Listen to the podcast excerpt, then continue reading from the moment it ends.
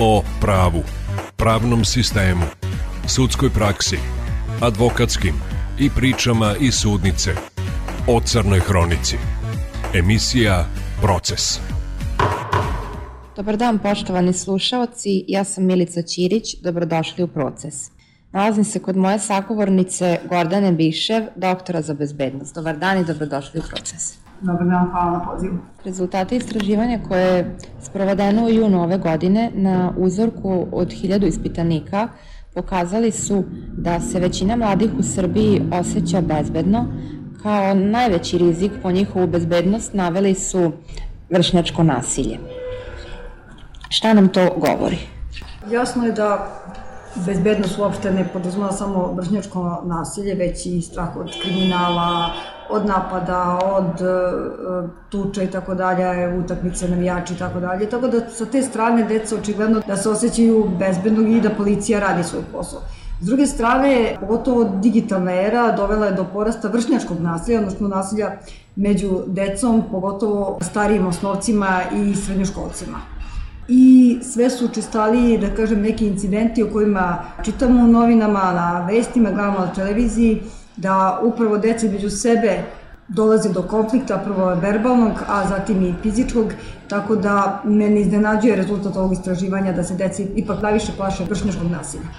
Vršnjačko nasilje ne obuhvata samo fizičko nasilje, to je širok spektar ponašanja.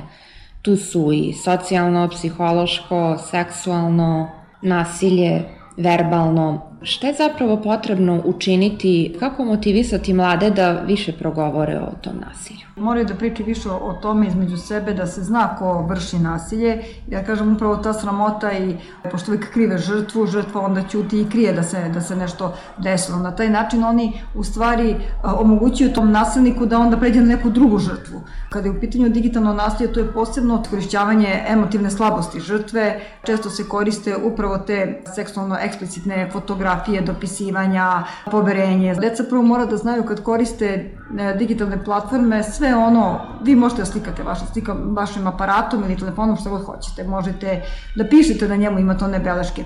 A u ovom trenutku kad to nekome pošaljete, da je slika, da je tekst, poruka, vi ste nešto bacili u etar i to negde stoji. To ne može da se izbriše nikada više. Bez obzira što postoje društvene mreže gde čim pošaljete poruku, ona se briše posle 2 minuta, čim pošaljete sliku, ona se briše posle 10 sekundi, to nije realno. To stoji znači negde na mreži.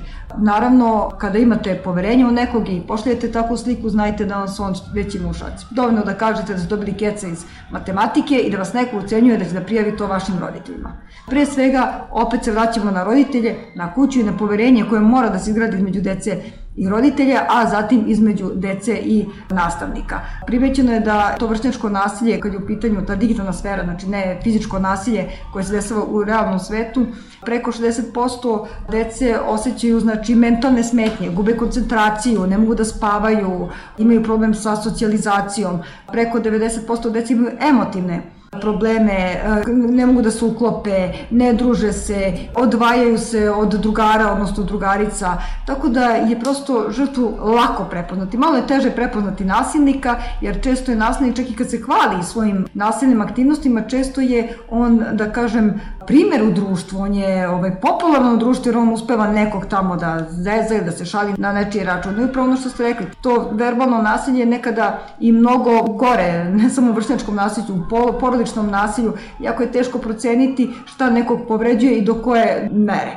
Tako da često imamo decu koje s tim ne znaju, ne znaju da izađu na kraj i često upravo te žrtve same žrtve postaju nasilnici da bi se osvetili zbog toga što su trpeli. Znači, oko 30% dece upravo uzrok svog nasilja pravdiju time što se osvećuju za neko nasilje koje je sprovedeno na njima.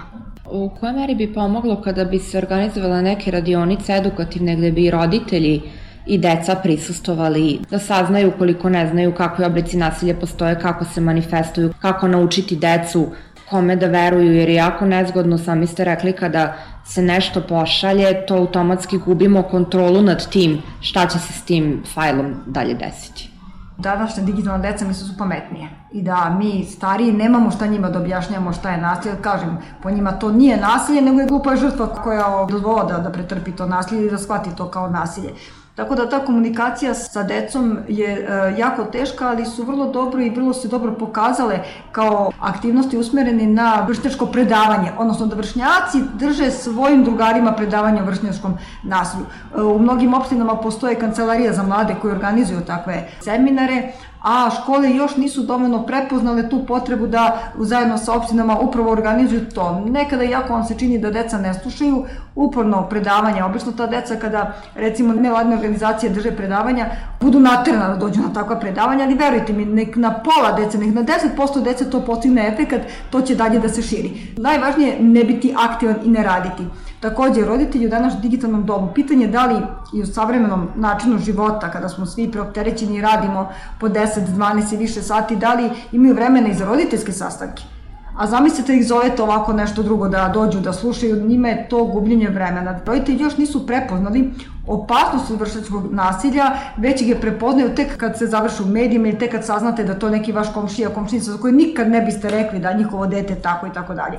Tako da definitivno postoji ta transparentnost e, između događaja i onoga što dolazi u stvari do roditelja. Pa čak i kad se desi neki slučaj da ne, neko, to se krije od ostatka odeljenja, znači ti roditelji neće se čuje, to dete neće da se sazna ni ovaj ko je nasilnik, ni ovaj ko je žrtva. I to je ta upravo, upravo ta zatvorni, začarni krug iz kojeg nikako da izađemo. Zato bi opet ponovno škole morale da uzmu malo veću ulogu i naravno roditelji zajedno sa školama, sa nevladinim organizacijama, ministarstvom unutrašnjih poslova, opštinama, da se e, prave zajedničke radionice i da se e, i roditelji osnažuju i deca da se osnažuju da prihvate tako nešto i da o tome više pričaju upravo radi prevencije, radi sprečavanja takvih situacija. Mnogo vam hvala što ste govorili za emisiju Proces. Proces.